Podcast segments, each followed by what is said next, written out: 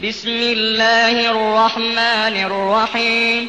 يا أيها النبي إذا طلقتم النساء فطلقوهن لعدتهن وأحصوا العدة. واتقوا الله ربكم. لا تخرجوهن من بيوتهن ولا يخرجن إلا أن يأتين بفاحشة مبينة. وتلك حدود الله ومن يتعد حدود الله فقد ظلم نفسه. لا تدري لعل الله يحدث بعد ذلك أمرا. فإذا بلغن أجلهن فأمسكوهن بمعروف أو فارقوهن بمعروف وأشهدوا ذوي عدل منكم وأقيموا الشهادة لله అనంత కరుణామయుడు అపార కృపాశీలుడు అయిన అల్లాహ్ పేరుతో ప్రారంభిస్తున్నాను ఓ ప్రవక్త మీరు గనక స్త్రీలకు విడాకులివ్వవలసి వస్తే వారి నిర్ణీత గడువు ఇద్దత్ కొరకు విడాకులివ్వండి మరియు నిర్ణీత గడువు కాలాన్ని ఖచ్చితంగా లెక్కపెట్టండి మీ ప్రభువైన అల్లాకు భయపడండి.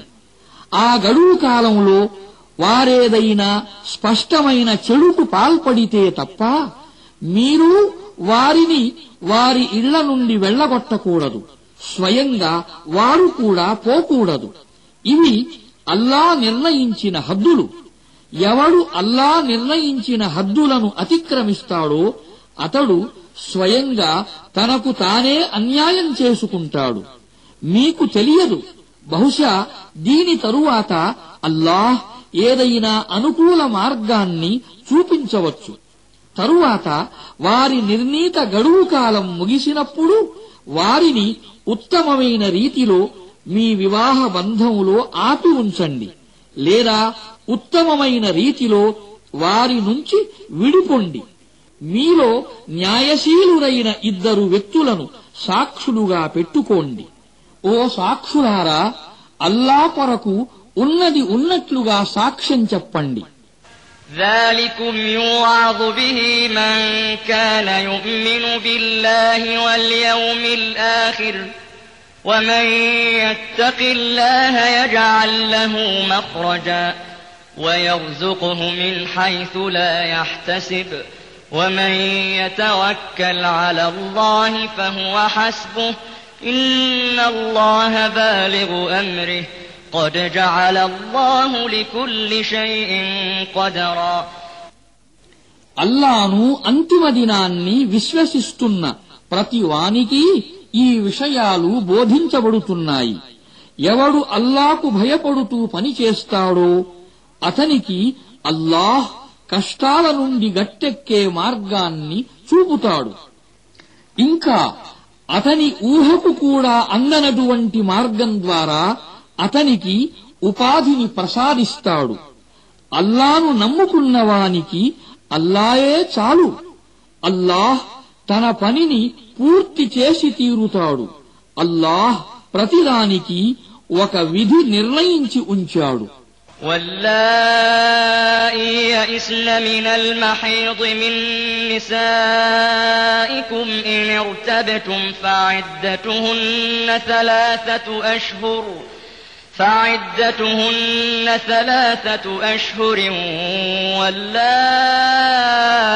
لم يحضن. وأولاة الأحمال أجلهن أن يضعن حملهن ومن يتق الله يجعل له من أمره يسرا. ذلك أمر الله أنزله إليكم ومن يتق الله يكفر عنه سيئاته ويعظم له أجرا మీ స్త్రీలలో ఎవరైనా ఋతుక్రమం విషయంలో ఆశ వదులుకుంటే వారి విషయంలో మీకేదైనా అనుమానం కలిగితే అప్పుడు వారి నిర్ణీత గడువు మూడు మాసాలు అని మీరు తెలుసుకోండి ఇదే ఆజ్ఞ ఇంకా ఋతుక్రమం ప్రారంభం కాని వారికి కూడా వర్తిస్తుంది. గర్భిణీ స్త్రీల నిర్ణీత గడువు వారి కాన్పు అయ్యే వరకు ఉంటుంది. ఎవడు అల్లాకు భయపడతాడో అతని వ్యవహారంలో అల్లాహ్ సౌలభ్యం కలుగజేస్తాడు. ఇది అల్లా ఆజ్ఞ. దానిని ఆయన మీపై అవతరింపజేశాడు. ఎవడు అల్లాకు భయపడతాడో అల్లాహ్ అతని పాపాలను అతని నుండి దూరం చేస్తాడు అతనికి గొప్ప ప్రతిఫలాన్ని ఇస్తాడు أسكنوهن من حيث سكنتم من وجدكم ولا تضاروهن لتضيقوا عليهن వారిని నిర్ణీత గడువు కాలంలో మీరు నివసించే చోటనే ఉంచండి మీకు ఎలాంటి చోటు లభించినా సరే వారిని ఇబ్బందుల పాలు చేయటానికి వేధించకండి وإن كن أولات حمل فأنفقوا عليهن حتى يضعن حملهن فإن أرضعن لكم فآتوهن أجورهن وأتمروا بينكم بمعروف وإن تعاسرتم فسترضع له أخرى لينفق ذو سعة من سعته ومن قدر عليه رزقه فلينفق مما آتاه الله لا يكلف الله نفسا إلا ما آتاها سيجعل الله بعد عسر يسرا ఒకవేళ వారు గర్భవతులైతే వారు ప్రసవించే వరకు వారి కోసం ఖర్చు చేస్తూ ఉండండి తరువాత ఒకవేళ వారు మీకోసం బిడ్డకు పాలు పట్టే పక్షంలో వారి ప్రతిఫలం వారికి ఇవ్వండి. ఉత్తమ రీతిలో ప్రతిఫలం వ్యవహారాన్ని పరస్పర సంప్రదింపుల ద్వారా నిర్ణయించుకోండి. కాని ఒకవేళ మీరు ప్రతిఫల నిర్ణయంలో ఒకరినొకరు ఇబ్బందుల పాలు చేసుకుంటే బిడ్డకు మరొక స్త్రీ ఎవరైనా పాలు పట్టాలి. సంపన్నుడైన వ్యక్తి తన ఆర్థిక స్తోమతను బట్టి ఖర్చు పెట్టాలి. తక్కువ ఉపాధి ఇవ్వబడిన వ్యక్తి అల్లాహ్ తనకు ఇచ్చిన ధనము నుండే ఖర్చు పెట్టాలి. అల్లాహ్ ఎవరికి ఎంత ఇచ్చాడో దానికి మించి ఆయన అతనిపై భారం వేయడు. అల్లాహ్ పేదరికం తరువాత సంపన్న స్థితిని ప్రసాదించకపోడు. وكأين من قرية عتت عن أمر ربها ورسله فحاسبناها حسابا شديدا فحاسبناها حسابا شديدا وعذبناها عذابا نكرا. فذاقت وبال أمرها وكان عاقبة أمرها خسرا. أعد الله لهم عذابا شديدا. فاتقوا الله يا أولي الألباب الذين آمنوا. قد أنزل الله إليكم ذكرا. فاتقوا الله يا أولي الألباب الذين آمنوا. قد أنزل الله إليكم ذكرا.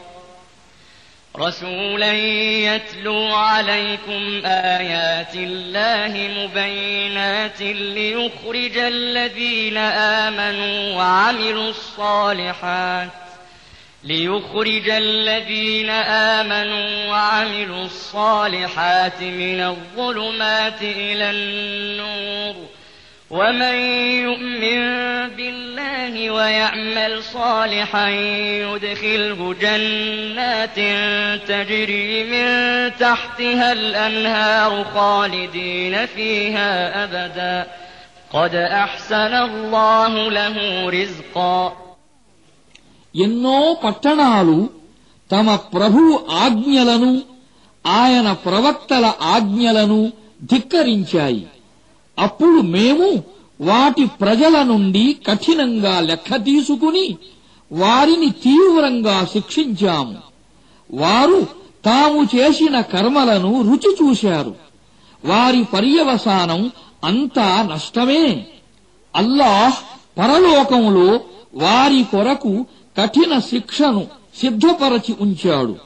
కనుక విశ్వాసులైన బుద్ధిమంతులారా అల్లాకు భయపడండి.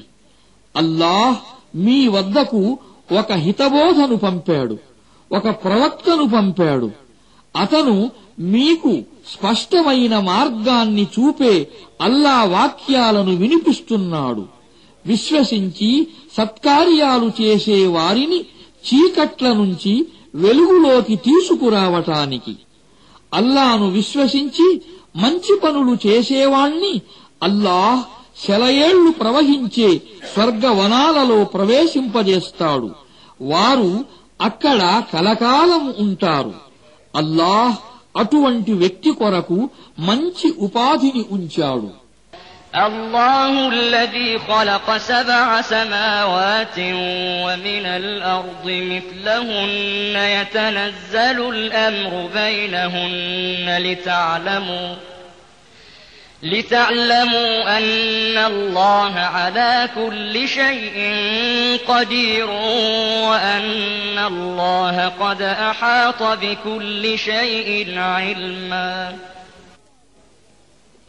సప్తాకాశాలను అలాంటివే ఎన్నో భూమండలాలను సృజించినవాడు అల్లాయే వాటిపై అల్లా ఆజ్ఞ అవతరిస్తూ ఉంటుంది అల్లాహ్ ప్రతి వస్తువుపై అధికారం కలిగి ఉన్నాడని అల్లా జ్ఞానం ప్రతి వస్తువును పరివేష్టించి ఉన్నదని మీరు తెలుసుకోవడానికి ఈ విషయం మీకు తెలియజేయబడుతోంది.